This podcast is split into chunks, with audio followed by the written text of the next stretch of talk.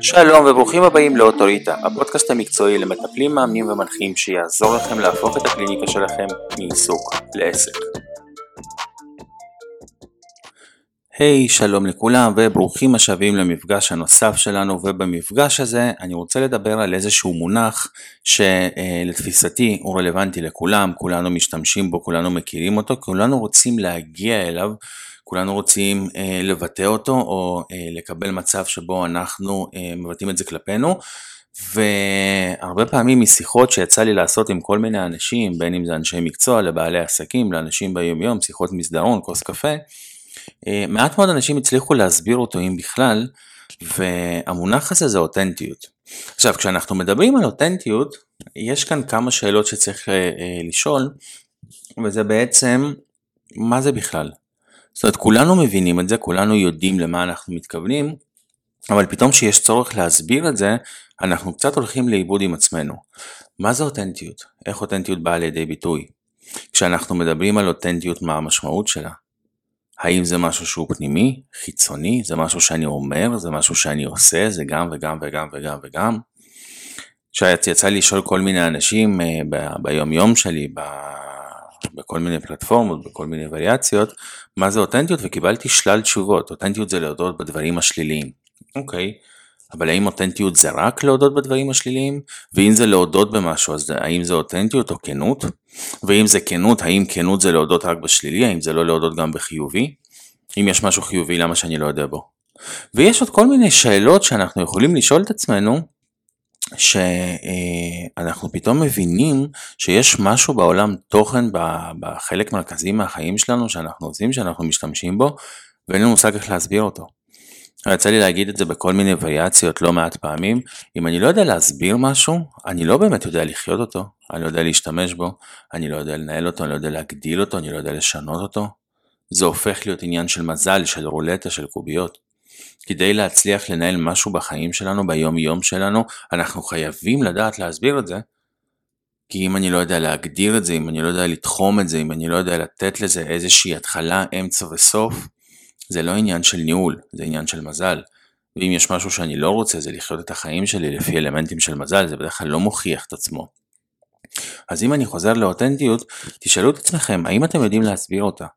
אם עכשיו בא אליכם הילד שלכם, אה, אח שלכם הקטן, אחיין, whatever, לא משנה, ושואל אתכם, תגיד, מה זה אותנטיות? שמעתי את המילה הזאת, אני רוצה שתסביר לי מה זה. האם אתם יודעים לעשות את זה? האם אתם יודעים להסביר לילד קטן מה זה אותנטיות? ואם אתם לא יודעים להסביר את זה לילד קטן, אז האם אתם יודעים להסביר את זה? זה בדרך כלל אחד המדדים האהובים עליי. זאת אומרת שכשאני רוצה להבין האם אני יודע אה, להעביר איזשהו מסר או אה, להסביר משהו בצורה מספיק טובה, אחת השאלות שאני שואל את עצמי זה אם עכשיו הייתי צריך לעשות את זה לילד קטן, האם הוא היה מבין? הרבה פעמים התשובה היא לא, כשהתשובה היא לא אני מבין שיש בעיה מסוימת, צריך לחזור אחורה ולנסות להעביר את המסר שלי שוב ושוב ושוב. אוקיי? וכשאנחנו אה, נכנסים למקום הזה של להעביר את המסרים שלנו שוב ושוב ושוב, אנחנו לאט לאט מתחדדים וזה הופך להיות יותר טוב. ואז חזרה לנושא, האם אתם יודעים להסביר מה זה אותנטיות לילד קטן? האם אתם יודעים להסביר מה זה אותנטיות לבן אדם מבוגר? האם אתם יודעים להסביר מה זה אותנטיות לעצמכם? כי בדרך כלל זה מסוג המילים, זה מסוג המונחים שאנחנו משתמשים בהם, בעיקר, בעיקר, בעיקר, במצבים של רגש, זאת אומרת אנחנו מרגישים שאנחנו יודעים מה זה אותנטיות, אנחנו מרגישים שאנחנו רוצים אותנטיות, אנחנו לא ממש יודעים איך להסביר את זה. ואחת המטרות העל של המפגש הזה היום, זה באמת לעשות קצת סדר בעולם תוכן הזה, כדי שהדבר הזה גם יהפוך להיות חלק יותר אינטגרלי מהחיים שלנו, וגם נוכל לנהל אותו בצורה יותר טובה. אז קודם כל, בשונה ממה שחושבים, אותנטיות היא חוויה פנימית, לא חיצונית. כשאנחנו בדרך כלל מדברים על אותנטיות אז אנחנו אה, ישר הולכים למקום של מה הבן אדם עושה או מה הוא אומר או איך הוא מגיב או איך הוא פועל, כשלמעשה החלק המרכזי הבסיסי ביותר באותנטיות זה זה שזה חוויה פנימית. יש לה ביטוי חיצוני, אנחנו גם נעשה היום כמו סוג של הפרדה בין אותנטיות פנימית לחיצונית, יש לה ביטוי חיצוני, אבל במהות, במקור שלה, ביסוד שלה, אותנטיות היא חוויה פנימית בראש ובראשונה. עכשיו אם אני רוצה להסביר את זה בצורה יותר טובה ולהשתמש במילה שאנחנו מכירים שיותר קל להבין אותה, אז המילה הכי קרובה בשפה המדוברת שלנו לאותנטיות היא אה, שלמות, אוקיי? המילה הכי קרובה לחוויית אותנטיות בשפה המדוברת שלנו, בשפה העברית, היא שלמות. עכשיו כשאנחנו מדברים על שלמות, אוקיי? לא מושלמות, שלמות, אנחנו מדברים בעצם על מצב שבו יש לנו הלימה בין מה שהאדם חושב למה שהוא עושה, למה שהוא מרגיש. אוקיי? חוויית שלמות זו חוויה שבה יש הלימה בין מה שהאדם חושב למה שהוא עושה, למה שהוא מרגיש. הלימה זאת אומרת שזה אמור להיות בקו אחיד. מה שאני חושב, מה שאני עושה ומה שאני מרגיש זה אותו דבר. אוקיי? עכשיו תחשבו על החיים שלכם. האם שלמות היא חלק מהחיים שלכם? כי רוב האנשים חושבים X, עושים Y, מרגישים Z, אוקיי?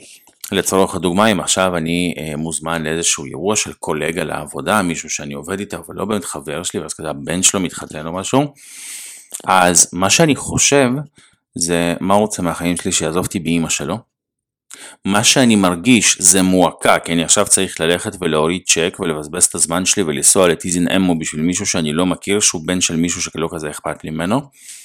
ומה אני עושה? נוסע לאירוע. לובש את המכופתרת ונוסע לאירוע. עכשיו ככה אנחנו פועלים כל הזמן. יש לנו איזשהו סוג של סתירה פנימית מתמדת בחיים שלנו וביום יום שלנו וזה פוגש אותנו בכל מה שאנחנו עושים.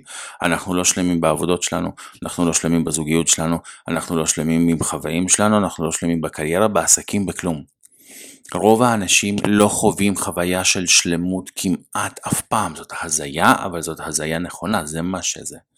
ולכן כשאנחנו מדברים על אותנטיות אנחנו מדברים קודם כל על הלימה בין שלושת המרחבים האלה, מה שהאדם חושב, מה שהאדם עושה ומה שהאדם מרגיש, ורק מהמקום הזה, רק מהמקום הזה של שלמות, יש לי סיכוי להתחיל להיות אותנטי, להתחיל לנהל את החיים שלי בצורה שהיא הרבה יותר מלאה, הרבה יותר טובה, הרבה יותר מספקת. עכשיו כשאנחנו מדברים על אה, אותנטיות בהקשר של המפגש הזה, שוב אני רוצה בכוונה לחלק אותה לשתיים, אותנטיות חיצונית ואותנטיות פנימית, זאת אומרת שזה ביטוי חיצוני של חוויית השלמות הפנימית שלנו, אוקיי? ביטוי חיצוני של חוויית השלמות הפנימית שלנו. אוקיי? ככה אני רוצה שתתפסו את זה. זאת אומרת, זה שאדם פועל בצורה מסוימת עדיין לא אומר שום דבר, מלבד העובדה שהוא פועל בצורה הזאת. אוקיי? מה שבסוף באמת עושה את ההבדל, וזה משהו שאנחנו יודעים כאילו להריח אותו, אנחנו יודעים לראות את זה, אנחנו יודעים לזהות את זה, אם הבן אדם שמולנו אותנטי או לא, אוקיי? מה שעושה את ההבדל זה לא מה שהוא עושה, אלא מה שהוא חווה בפנים, זה העולם תוכן הפנימי שלו שבאמת עושה את ההבדל במרחבים האלה של שלמות ואותנטיות. עכשיו, אמרנו ששלמות זה חוויה של, אה, של הלימה, של קו אחיד, בין מה שאדם עושה למה שהוא חושב למה שהוא מרגיש. עכשיו חשוב להבין שברגשות אי אפשר לשלוט. אוקיי, רגש זה משהו שמגיע מאוד מאוד מהר, מאוד מאוד אוטומטי, אי אפשר לשלוט ברגשות אבל אפשר להבין אותם.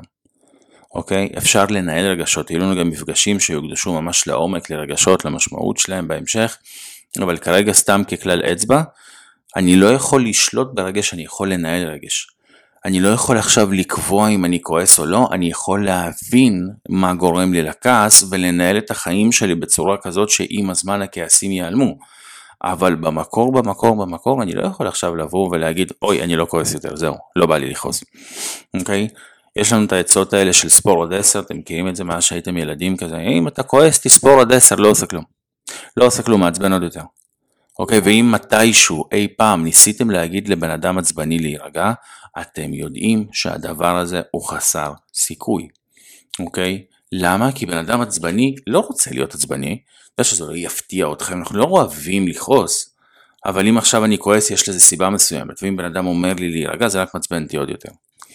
זאת אומרת שכשאנחנו מדברים על רגשות אנחנו מבינים שאי אפשר לשלוט בהם, אבל כן אפשר להבין אותם. אני יכול להבין למה אני מתוסכל, למה אני כועס, למה עצוב לי, למה רע לי, למה לא טוב לי, למה כואב לי, אני יכול להבין את זה. כשאני מבין את זה, אני מבין שיש תהליך שיצר את הרגש הזה, שיש לתהליך הזה התחלה, יש לתהליך הזה אמצע, יש לתהליך הזה סוף. אם יש תהליך, יש מבנה. אם יש מבנה, יש גבולות גזרה, יש תיחום. אם יש לי את הדברים האלה, יש לי אפשרות ניהול. אוקיי? שום דבר בחיים שלנו, כמעט שום דבר בחיים שלנו הוא לא עובדה קיימת. הדברים שאנחנו תופסים אותם כעובדה קיימת זה דברים שאנחנו לא מבינים. ודברים שאנחנו לא מבינים אנחנו לא יכולים לנהל, ואז אנחנו לא יכולים בעצם לקבל שום אספקט של שליטה. אני לא יכול לשלוט ברגש, אני יכול לנהל אותו. ואז אני יכול למנוע כעסים, תסכולים ודברים מהסוג הזה. אני יכול להבין את הרגשות שלי, וזה השלב הראשון הבסיסי ביותר. כנ"ל, כשאנחנו מדברים על פעולות, יש פעולות שאני יכול לשלוט בהן ויש כאלה שלא. אוקיי? למרות שעל פניו פיזית זה כאילו נשמע לא הגיוני, מה זאת אומרת? פשוט אל תעשה דברים, או לך תעשה דברים, זה לא כזה קל. יש פעולות אוטומטיות. אני בטוח שכל אחד מכם לא צריך עכשיו לשבור את הראש הרבה בשביל להיזכר באיזושהי סיטואציה שעשיתם משהו שלא רציתם לעשות. או אמרתם משהו שלא רציתם להגיד. ואלה מכם אי פעם שיצא להם אה, להיות באיזשהו מצב של אה, פעילות גופנית מאומצת, ריצה ארוכה, איזשהו מסע עם משקלים, אומנות לחימה, זירה, דברים מהסוג הזה, אתם יודעים שהגוף יכול להגיע למצב שאתם כאילו נותנים לו את הפקודה, אתם רוצים לעשות משהו, הוא פשוט לא מקשיב. מצב שאתם כאילו לא מצליחים להרים את היד. עכשיו פיזית יש לכם את היכולת להרים את היד, אבל באותו רגע אתם פשוט לא מסוגלים לעשות את זה. אוקיי?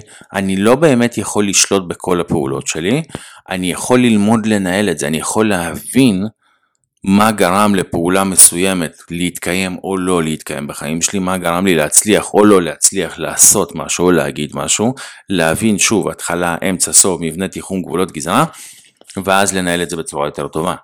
זאת אומרת שלדוגמה אם הלכנו נגיד לקטע של זירה או של מסעות ארוכים ודברים מהסוג הזה, הרבה פעמים כשהגוף לא מקשיב לנו זה פשוט כי אין חמצן. אוקיי? זאת אומרת שלאורך הדרך לא נשמתי נכון, משמע אם אני אתאמן על הנשימה שלי, לא על הפעולה שלי, על הנשימה שלי, בפעם הבאה שאני אהיה במצב כזה אני אוכל לפעול יותר טוב, כי אז הגוף שלי יהיה בהספק חמצן מספק, ואז אני אוכל לפעול. זה דוגמה ומן הסתם אפשר להשליך את זה על אלף מקרים אחרים. אוקיי? כנ"ל במחשבות. גם מחשבות זה משהו שאני לא יכול לשלוט בהם, אני יכול לנהל אותם. אני לא יכול לשלוט בכל המחשבות שלי, אוקיי? כל מי, כל מי מכם שחווה לפחות פעם אחת בחיים שלו אה, סיטואציה של פחד או חרדה או כעסים, אתם יודעים שיש מחשבות מסוימות שאתם אומרים בואנה איך לא בא לי לחשוב את זה. יש כל מיני דברים שנכנסים לכם לראש, שאתם אומרים בואנה אלוהים ישמור, למה הדבר הזה נמצא שם? וזה עדיין שם. יש לאנשים פנטזיות שהם לא אוהבים, אבל זה עדיין שם. יש כל מיני אנשים שיוצא להם לדמיין את המוות שלהם או פגיעה שלהם פיזית, נפשית, לפעמים מינית, לפעמים דברים מהסוג הזה. יצא לי לפגוש כל מיני אנשים והם חושבים שזה דפוק או יש איתם בעיה, זה לא נכון. אוקיי, יש על זה מחקרים שאני רוצה להעמיק בהם, אבל כמעט לכולנו יש את זה. כמעט לכל בני אדם יש פנטזיות של אה, מצבים שבהם הם חווים סוג מסוים של כאב או סבל. אוקיי, ויש לזה הסבר וזה טבעי לחלוטין וזה ממש אחלה. אוקיי, לא יכול לשלוט בזה. כשהמחשבה עולה, המחשבה עולה. זאת אחת הסיבות שאנשים כל כך שונאים יוגה. אוקיי, לא יוגה, סליחה, מדיטציה.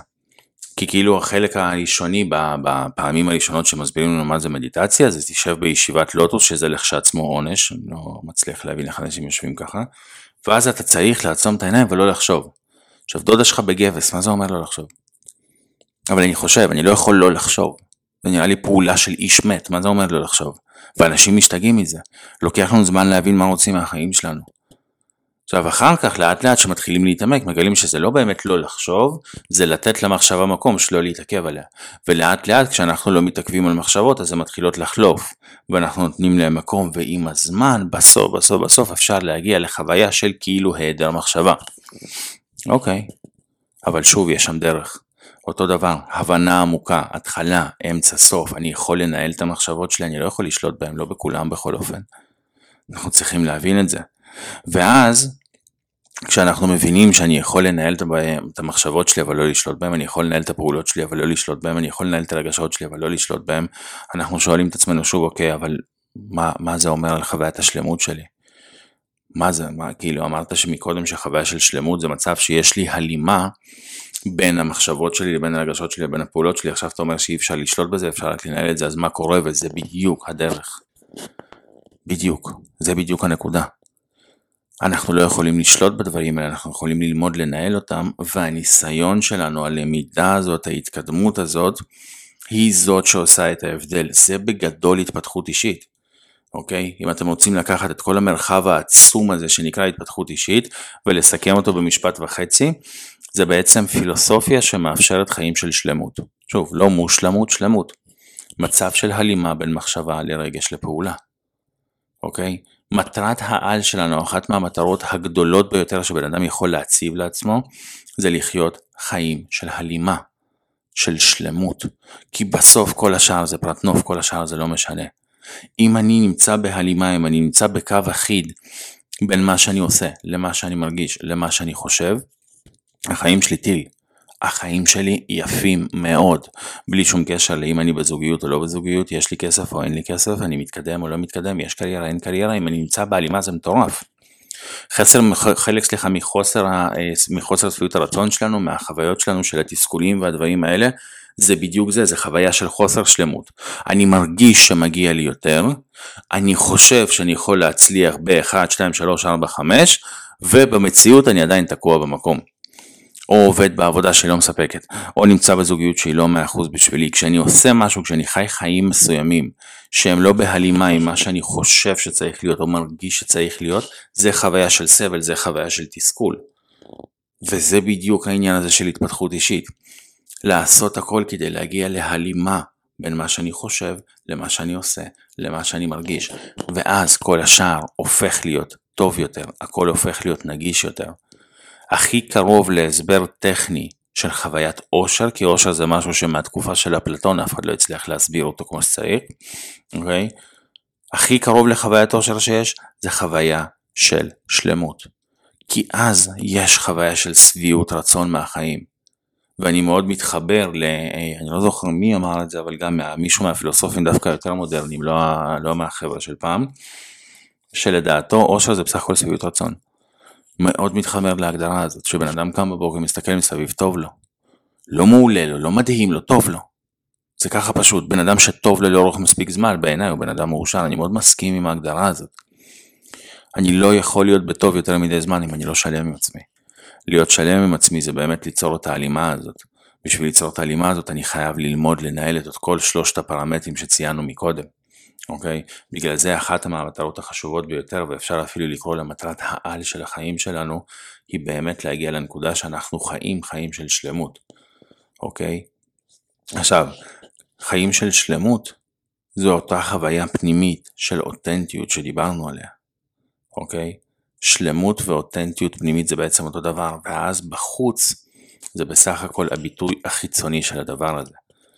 עכשיו, אם אני אקח את העולם תוכן הזה, אם אני אקח את זה עוד צעד אחד קדימה, אז אני בעצם אה, רוצה להבין מה קורה כשאני רוצה לתת עצות לאנשים. עכשיו, למה שאני ארצה לתת עצות לאנשים? כי לפעמים חבר צריך משהו, אני רואה שהוא תקוע ובא לי לעזור לו, לפעמים זה קרוב משפחה, אולי אני אפילו עובד בזה. אולי אני עכשיו אה, מורה או מדריך או מנטור או whatever, ואני מתעסק בעבודה עם אנשים ולתת עצות זה literally חלק מהמקצוע שלי. אז כשאני רוצה לתת עצות לאנשים, אותנטיות זה קלף הכרחי שיש לי, שאני חייב שיהיה לי, כי אם אני לא אותנטי, אם אני עומד עכשיו ואני אומר X מרגיש Y חושב Z, אוקיי? אז אני לא איש שעובד עם אנשים, אני נוכל. אני צבוע, אני פייק. יצא לי לראות אנשים, בגלל שאני מתעסק בעולם של התפתחות אישית, והתפתחות אישית זאת ביצה שהיא יחסית מאוד קטנה. אז אה, אני מכיר לא מעט אנשים אני בא בתוך העולם תוכן הזה, אני מכיר לא מעט אנשים, חלקם באופן אישי, חלקם אני מכיר מזה שאני פשוט מכיר את הפעילות שלהם. אה, יש כאלה שאני מכיר את העסקים שלהם מאלף עד תו והם לא יודעים מי אני בכלל, כן? אבל אני מכיר את הפעילות שלהם כי או שהחברי צוות שלהם עבדו איתי, או שיצא לי אה, להרצות איפשהו שהמנהלים שלהם היו שם או בלה בלה בלה, ויצא לנו ככה שיחות מסדרון. אז אני מכיר את רוב האנשים בתעשייה הזאת, זו תעשייה מאוד מאוד קטנה. ויצא לי לראות לא מעט מצבים של פייק, אבל בקטע, בקטע מגעיל, זאת אומרת בקטע שאני כאילו לא מבין איך הבן אדם ישן עם עצמו בלילה, כמו לצורך העניין בן אדם אה, ששייך לארגון אה, דווקא יחסית גדול בעולם תוכן הזה, והוא בא והוא עולה על במה והוא רוצה לדבר על ביטחון עצמי, והוא לוקח כדורי הרגעה לפני. כאילו אחי מה אתה עושה? מה אתה עושה? איך אתה יכול עכשיו לעמוד על במה מול כמה מאות אנשים ולזיין את המוח על ביטחון עצמי כשאתה חייב כדור הרגעה בשביל לעלות, מה אתה מלמד? אנשים שסובלים מחרדות, שיושבים על ציפרלקס ועובדים עם אנשים בשביל לעזור להם להתגבר על חרדות, אנשים שמתים מפחד לגשת לבחורה והם מאמינים לזוגיות, כל מיני שיט כזה שאנחנו רואים בחוץ, שאתם שואלים את עצמכם, what the fuck, איך הגענו לפה? אוקיי? אותו דבר עם עצות, בין חברים או בין משפחה, זה על אותו קונספט. אין דבר מעצבן יותר מלקבל עצה מבן אדם שאתם יודעים שהקשר בינו לבין יישום העצה הזאת הוא מקרי בהחלט. אין משהו בעולם יותר מעצבן מזה. אוקיי? כל מיני חבר'ה שעכשיו באים ואומרים לכם איך אתם צריכים לנהל את העסק שלכם, בחיים לא היה להם עסק. הם לא מכירים בכלל את הלחצים או את מה שקורה שם בכלל בהוויה הזאת של להיות עצמאי. או אנשים שמדברים איתכם על איך להתקדם בקריירה אבל הוא כל החיים שלו חי מאבטלה לאבטלה, או בן אדם שבחיים שלו לא החזיק יותר מיומיים בזוגיות שהוא נותן לכם עצות זוגיות, ועוד אלף מקרים כאלה. כשאנחנו רוצים לתת עצות לאנשים, או לעבוד עם אנשים, זאת אומרת בתחומים האלה שציינתי מקודם, מדריכים, מרצים, מנטורים, whatever, אותנטיות זה קלף הכרחי. אני לא יכול לעבוד עם אנשים, אני לא באמת יכול לאורך זמן לעבוד עם אנשים בלי שאני אותנטי. כי אחרת זה לא נקרא לעבוד עם אנשים, זה נקרא נוכלות, אוקיי? אנשים באים והם מוצאים את עצמם, אני רואה כל מיני אה, אה, גופים וכל מיני כזה ארגונים של אנשים שמלמדים דברים שאין להם מושג. לא רק בעולם תוכן האלטרנטיבי, גם בעולם תוכן הקונבנציונלי, גם באקדמיה אני פוגש את זה. אתה מלמד אותי לנהל קליניקה אבל בחיים לא פגשת לקוח, בחיים לא היית עם מטופל, כל, כל הידע שלך זה ידע תאורטי, זה ידע מספרים, תיאוריה לא עובדת. אוקיי? בחיים האמיתיים זה לא תנאי מעבדה. זה לא כמו שזה כתוב בספר, בשום תחום דרך אגב, זה לא כמו שזה כתוב בספר אף פעם. אוקיי? זה פשוט לא עובד בצורה הזאת. ואם בחיים שלך לא היית עצמאי, אל תזיין לי את המוח על יזמות ועצמאות.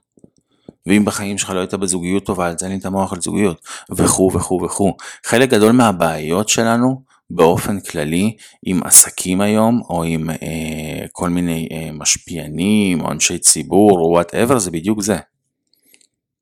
זה חוויה של חוסר אותנטיות. זה חוויה שאנחנו כאילו מרגישים שהם לא באים לנו בטוב אנחנו, ואנחנו כאילו לא יודעים למה, זה חלק מהלמה. זה חלק מהסיבה. הרבה פעמים הבעיה שלנו, אנחנו כאילו רואים בן אדם שמדבר איתנו על משהו, או מישהו שנותן לנו איזושהי עצה וזה מביא לנו עצבים ואנחנו לא מצליחים לשים את האצבע מה בדיוק מפריע לנו, אז שתדעו שהאותנטיות זה משהו שאנחנו מרגישים. וחוסר אותנטיות זה משהו שאנחנו מרגישים. אם בן אדם שנותן לי עצה, אני מרגיש עליו שהקשר בינו לבין העצה הזאת הוא מקרי בהחלט, אין לי סיכוי, אני לא, אני לא אקשיב לו, הוא יביא לי עצבים. הוא יביא לי עצבים. אני לא אוכל לשאת את זה. אוקיי? אותו דבר עם פוליטיקאים, אותו דבר עם אנשי ציבור, אותו דבר עם משפיענים, אותו דבר עם מנטורים, אותו דבר עם הכל, אותו דבר עם חברים טובים שנותנים לנו עצות. חוסר אותנטיות זה משהו שאנחנו מריחים אותו. וכשאנחנו מריחים אותו זה מביא לנו עצבים. זאת אומרת שאם אנחנו נמצאים מהצד השני, אותנטיות זה קלף מרכזי, אני חייב שיהיה את זה אצלי. אני חייב שזה יהיה חלק בלתי נפרד מהבסיס שלי, מהיסוד שלי, מהארסנל שלי. ותזכרו, אותנטיות זה קודם כל חוויה פנימית. עכשיו כאן יש נקודה מאוד מאוד חשובה. כשאנחנו מדברים על כל הקטע הזה של מתן עצות, המנדט שלי לתת עצה זה לא התוצאה שאני משיג. אני חוזר, המנדט שלי לתת עצה זה לא התוצאה שאני משיג, אלא עצם העשייה של מה שאני מדבר עליו, אוקיי?